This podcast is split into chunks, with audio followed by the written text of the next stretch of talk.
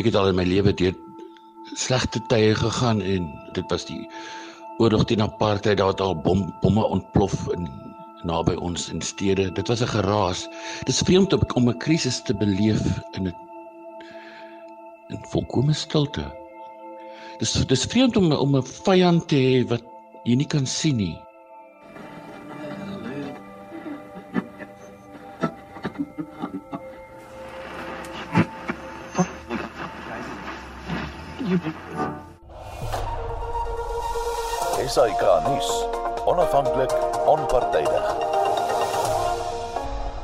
Wye reaksie na die eerste bevestigde geval van die koronavirus in Suid-Afrika. 'n Pre-primêre skool in die Hilton omgewing naby Pietermaritzburg in KwaZulu-Natal sal vandag gesluit wees.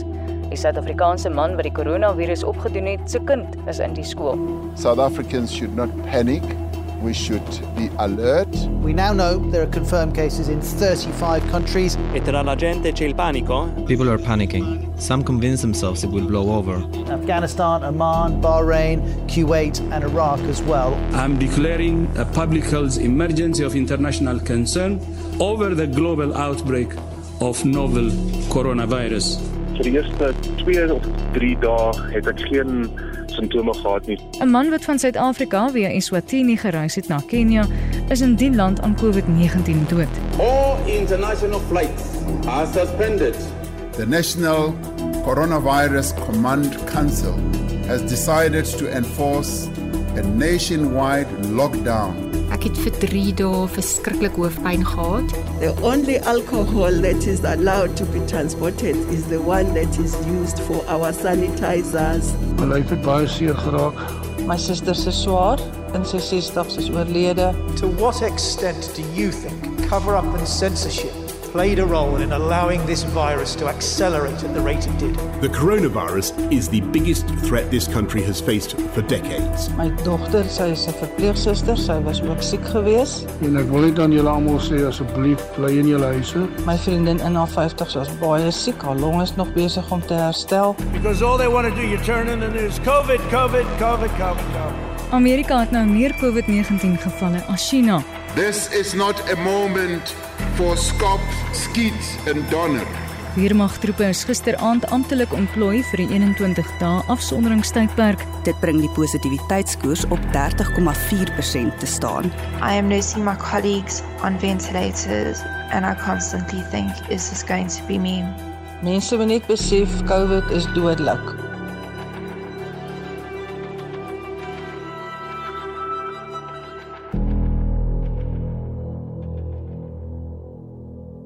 Dis net meer as 2 jaar sedert ons lewens onherroepelik deur die COVID-19 pandemie verander is. Nog nooit voorheen is die mensdom op byna elke vasteland op aarde saamgesnoer deur een gebeurtenis nie.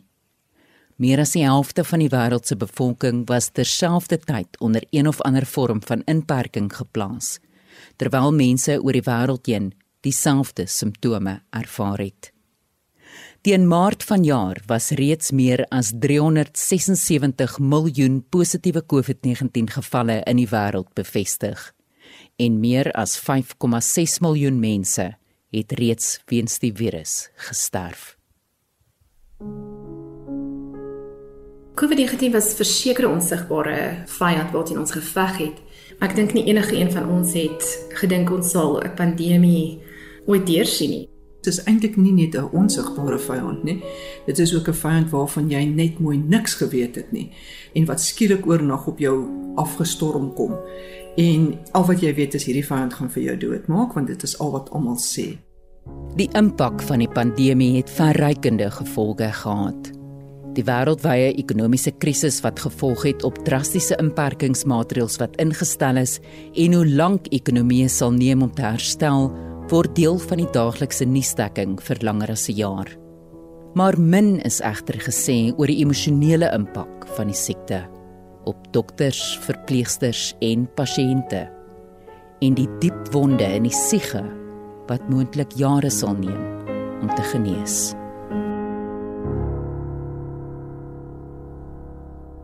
Chloroquine, plasmaquine gaan jou nie help om die virus te voorkom nie. Hoor julle my? Die van julle wat dit gekoop het, gaan gee dit terug vir die apteek. Sê hy moet dit vir mense gee wat lupus het, wat nou sonder hulle medikasie sit omdat mense onoordeelkundig dit gebruik het.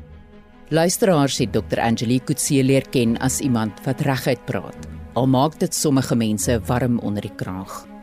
Sy skroom nie om te sê hoe sy voel oor mense wat hulle nie wil laat inent nie en sy het male sonder taal haar frustrasie oor die regering uitgespreek. As voorsitter van die Suid-Afrikaanse Mediese Vereniging is sy met die aanbreek van die pandemie aan die diepkant ingegooi. Angelique, het jy dalk in 'n stadium gevoel of het Sama in 'n stadium gevoel die regering kon die pandemie beter bestuur het? Natuurlik kon hierdie pandemie baie beter bestuur gewees, veral nou as ons nou so begin weer terugkyk.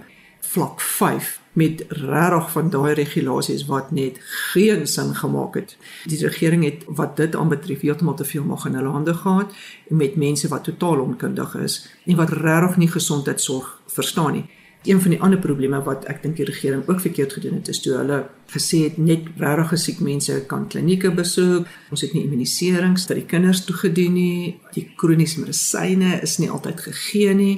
Pasiënte is ongekontroleerd en ons het klomp goed geoffer vir 'n virus wat ons eintlik net beter moes hanteer het. Jy was ook deel van die koronavirus bevelsraad en jy maak ook geen geheim daarvan dat die regering nie altyd die raad ter harte geneem het wat jy vir hulle gegee het nie. Hulle het dit nie altyd ter harte geneem nie. daarmee sê ek nie dis die minister van gesondheid nie. Dit is as dit hoër opgaan waar daar ander minister in politieke groepe sit wat glad nie gesondheidsorg verstaan nie. Daar was 'n stadium waar die regering wou gehad het Sama moes hulle ondersteun het met die ban op die sigarette.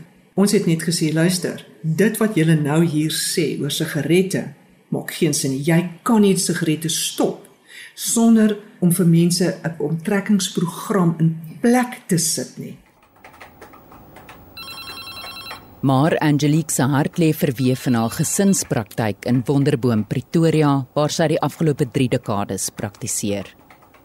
Dou voor dag op 'n Vrydagoggend vat ek 'n N1 Noord om uit te vind hoe die pandemie haar hart geraak het. Jy kan nie oor 'n naweek kom nie, dan sit ek reeds van 6:00 soggens af in Zoom vergaderings. Jy moet vroegoggend kom voordat ek my dag begin. Sê sy toe ek haar bel vir die onderhoud. Toe ek instap, is sy reeds in 'n telefoonkonsultasie met 'n ander dokter. Sy's omgekrap toe ek die deur wil toemaak vir die klankopname en sê haar pasiënte weet al haar deur en venster staan waarwyd oop vir ventilasie teen die virus. In retrospek sê sy is 'n klomp foute begaan en in die politieke geskandel oor inperkings en regulasies het dokters nie pasiënte se hande in die pandemie gevat nie.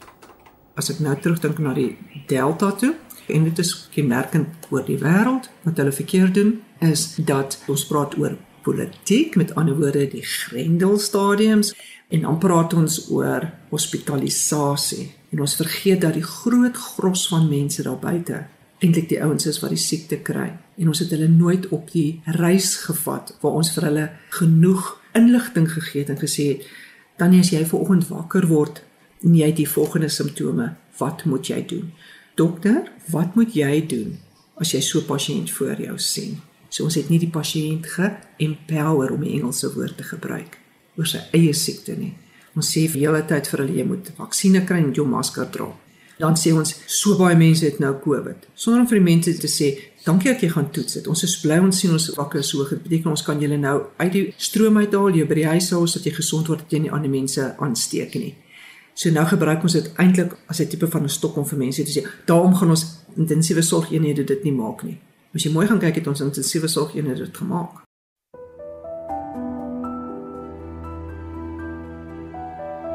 Maar aan die begin was dit anders. Die onsigbare vyand waarteen dokters blindelings moes veg, veral in hospitale se intensiewe sorgeenhede.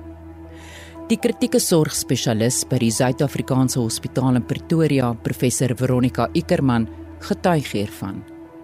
Nie net behandel sy menigte COVID-19 pasiënte in die intensiewe sorgeenheid nie, maar sy is ook die hoof van die COVID-19 reaksiespan van die Tshwane Distrikhospitaal, die Steve Biko Akademiese Hospitaal en die Universiteit van Pretoria. En ek onthou kollegas van my in New York het gesê, maak nie saak wat hulle doen nie, dit werk nie soos dit moet nie.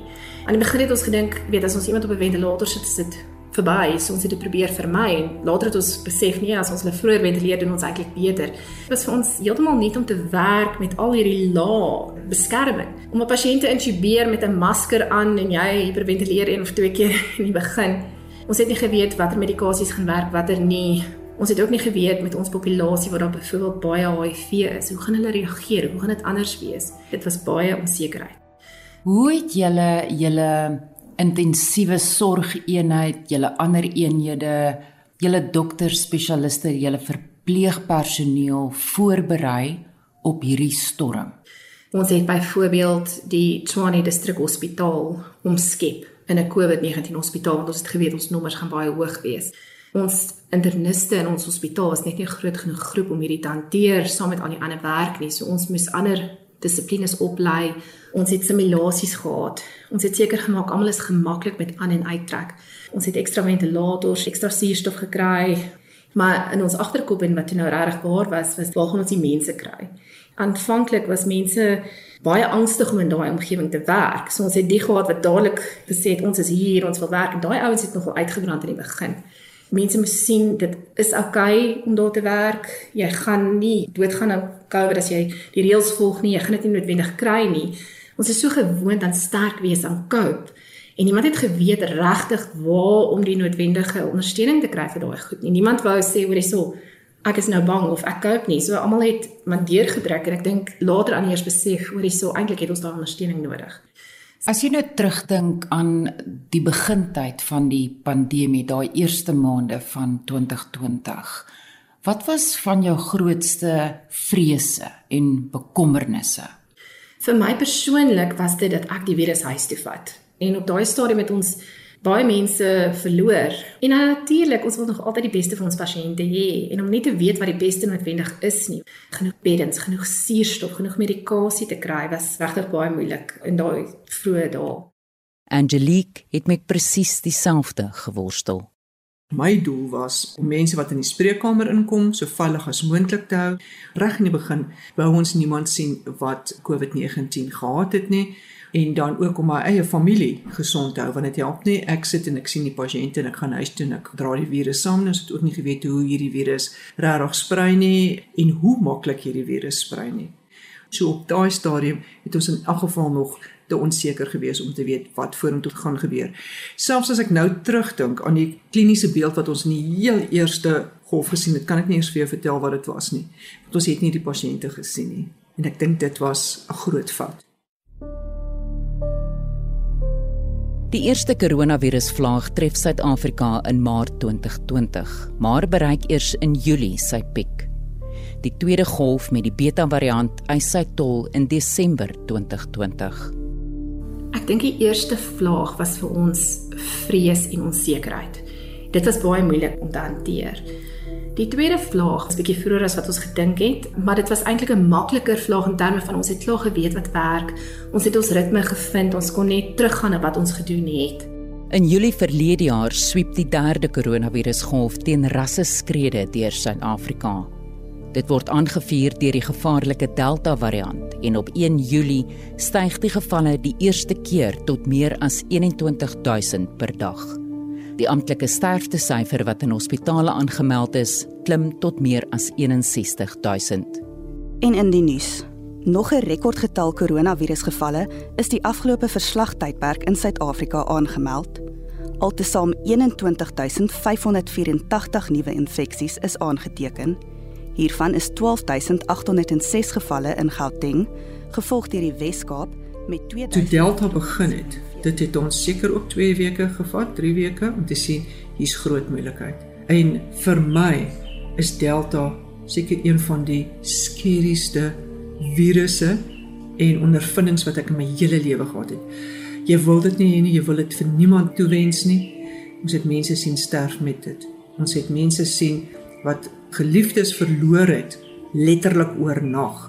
En weer eens dink ek een van die groot probleme is ons het nie genoeg gekommunikeer oor die simptome en vir die pasiënte geleer wanneer om die dokters te sien dat die meeste van daai mense toe hulle by die dokters uitkom was dit te laat geweest. En Delta is 'n geweldige inflammatoriese siekte met 'n groot sitokinien respons van die liggaam en veral met die longe en goed en die stollingsprobleme wat jy daarmee gesien het. Daai was vir my die slegste. Dis die feit dat ons teen toe al regtig baie hard gewerk het en moeg was. Maar die derde wat definitief 'n rol begin speel het is ons het gedink as die vaksines kom en mense begin vaksineer en ons het 'n uitkoms gaan dinge beter gaan. So dit was baie moeilik om mense te sien sterf in jou eenheid en dit het langer aangehou en definitief meer van ons het siek geword in daai tyd, meer kollegas.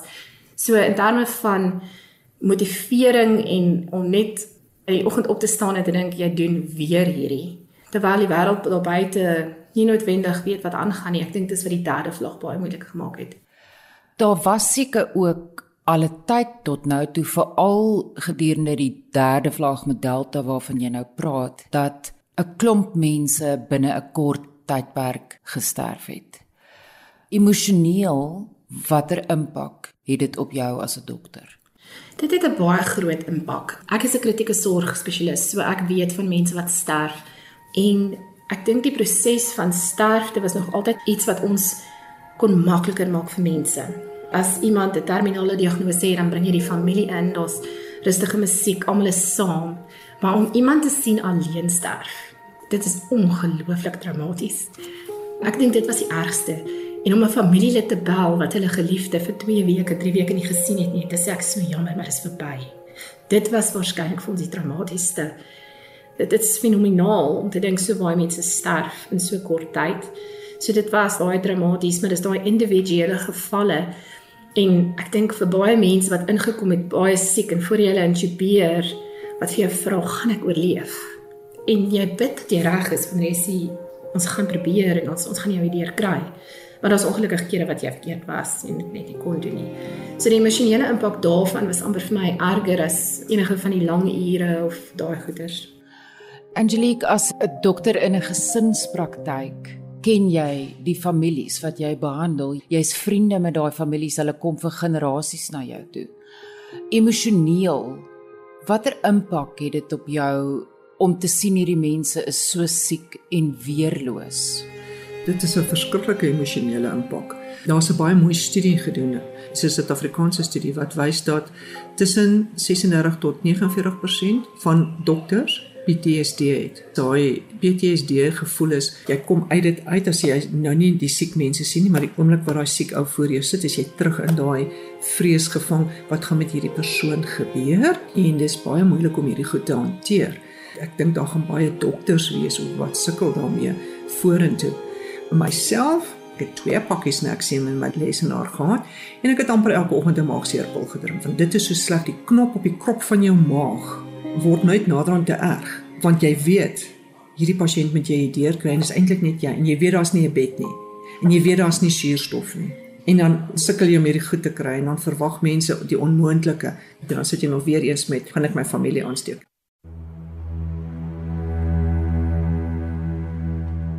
Mediese dokters lê eet af om alles in hulle vermoë te doen om mense lewens te red.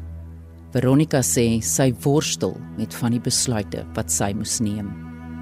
Ons het in die begin van die pandemie al besef, veral in kontekste waar daar massas pasiënte is. As jy nou dink byvoorbeeld Tshwane was 'n verwysingsentrum, het ons geweet daar gaan 'n tyd kom waar ons het net soveel beddens, ons het net soveel ventilators. Ons het ander maniere gekry om mense te oksigeneer, ons het hoë vloei gekry ensovoorts. Maar daar was besluite wat geneem moes word. As daar een bed is, en twee mense dit nodig, dan moet mens begin kyk na risikofaktore en kans op oorlewing. Daar is riglyne deur die kritieke sorg vereniging gegee daarvoor, maar dit is 'n heeltemal ander storie as jy langs iemand se bed staan. Ons het dit natuurlik altyd ook as 'n span gedoen. Want een ou kan die verantwoordelikheid neem vir daai tipe besluite nie. Watter impak het dit op jou as mens? Dit het 'n impak want ons is daar om mense beter te maak. Dis wat ons doen. Meeste mense kan jy in jou eie lewe dink dit kon my pa gewees het, dit kon my oupa gewees het.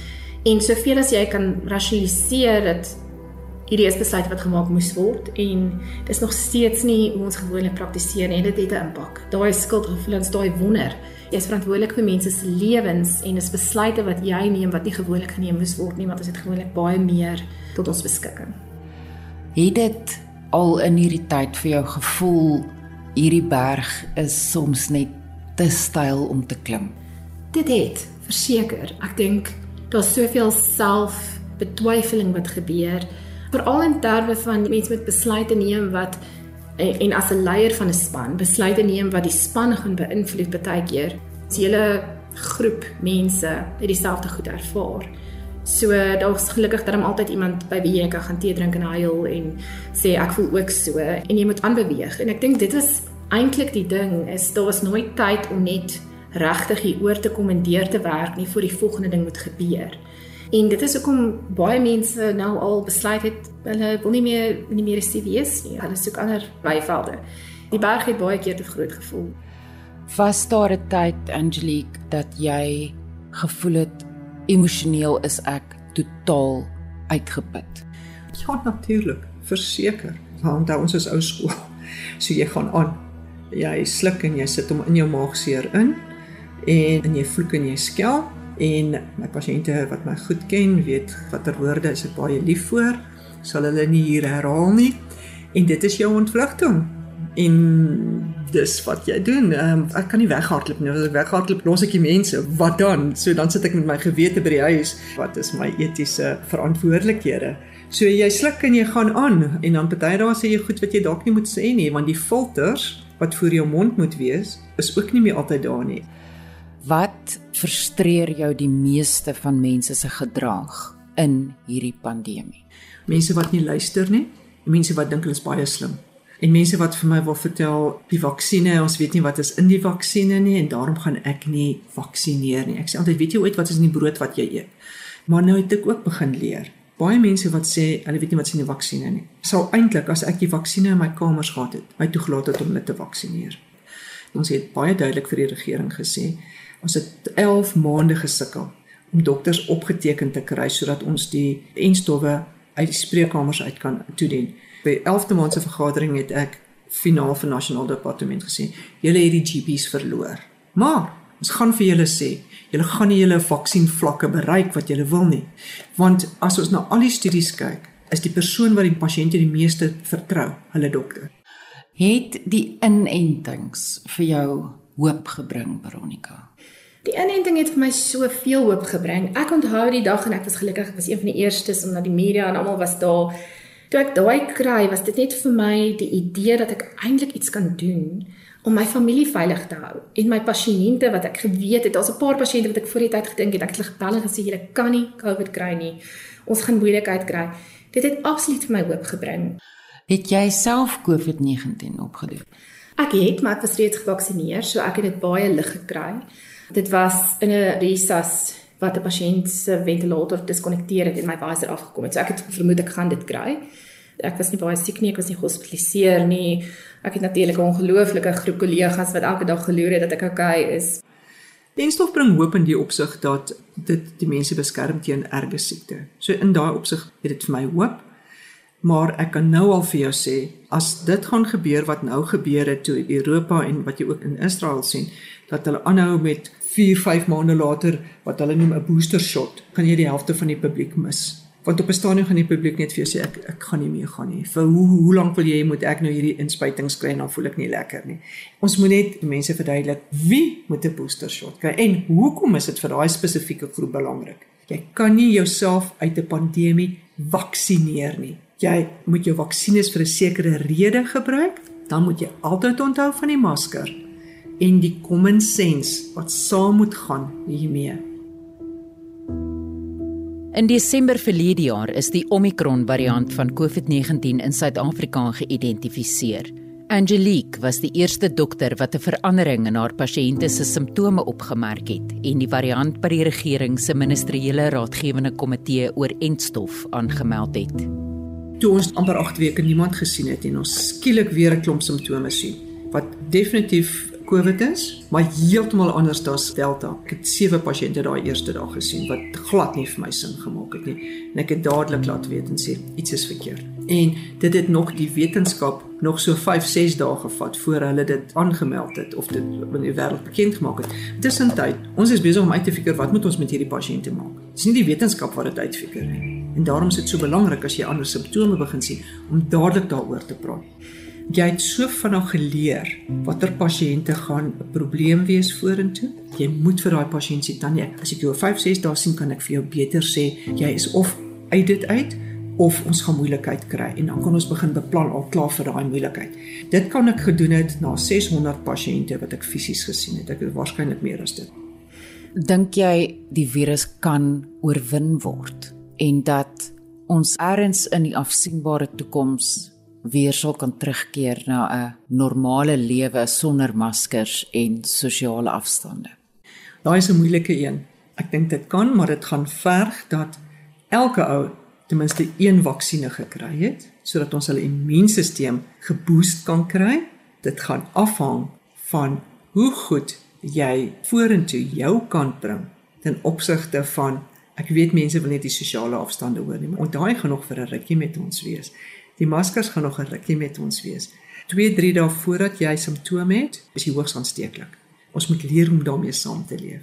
Ons moet leer om terug te keer na 'n normaal, maar 'n normaal waar ons 'n bietjie beter na onsself kyk. Hoe moeilik en uitmergelend die afgelope 2 jaar ook al was, saam met die verandering, het die COVID-19 pandemie ook waardevolle lesse met hom saamgebring. Ons as Dokters is gewoond op ons eie voete staan. Ons is gewoond as jy A B en C doen dan kry jy die resultaat as jy hard werk, as jy seker maak jy hou jouself op datum as jy lees. En ons het geleer in hierdie tyd, jy weet, ons is absoluut afhanklik van ons spanne. Ek dink ons het almal agtergekom dat ons meer mense is as wat ons gedink het of gehoop het. Ons het lesse geleer oor wat's belangrik in terme van jou waardes en wat regtig vir jou prioriteite is. Dit seker vir almal verander. Ek dink dit is net vir ons nie. En ek dink ons het geleer om meer kreatief te wees in hoe ons praktiseer. Ons moet planne maak waar daar nog nie planne is van tevore nie. Dit is nie net slegte goed nie, daar's goeie lesse ook. Die pandemie het dalk ook sy tol op Angelique geëis. Op 17 Februarie bedank sy as die voorsitter van die Suid-Afrikaanse Mediese Vereniging met onmiddellike effek. Dit het vir ons geleer hoe korrup ons is, hoe sleg is ons infrastruktuur Dit het vir ons geleer dat ons is glad nie voorberei op 'n pandemie nie, dat ons kurrikulums op universiteit ook glad nie enigsins dokters bemagtig met pandemies nie. Dit het ons geleer dat jy iemand vandag sien en môre verloor, maak nie saak hoe hard jy geprobeer het nie.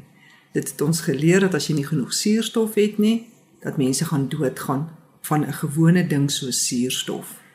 En dit het ons ook geleer dat mense inherënt goed is en dat families ook na mekaar kyk en na mekaar draai in tye van krisisse veral as hulle geliefdes in die ICU is en dit het ons ook geleer hoe sleg is dit as iemand 2 maande in intensiewe sorgeenheid lê en geen mens kan hom gaan besoek nie en hulle dan uiteindelik sterf dat die verlies van die familie wat nie afsluiting kon kry nie eintlik 'n baie slegte verlies is.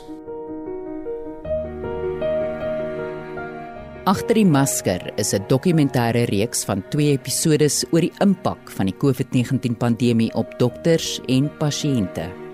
Vervaardig en aangebied deur my, Estie de Klerk, met klankontwerp deur Danny Boysen. Die argiefklank van die SAIK nuusbulletins is verkry met behulp van Karen de Tooy. In volgende week se episode van Agter die Masker. Ek sal vir elke persoon vertel, COVID is reël. Andrei de Pre se lewe het ingrypend verander. Ek het nie besef ek gaan 101 dae in die hospitaal lê nie, 84 dae in ICU lê nie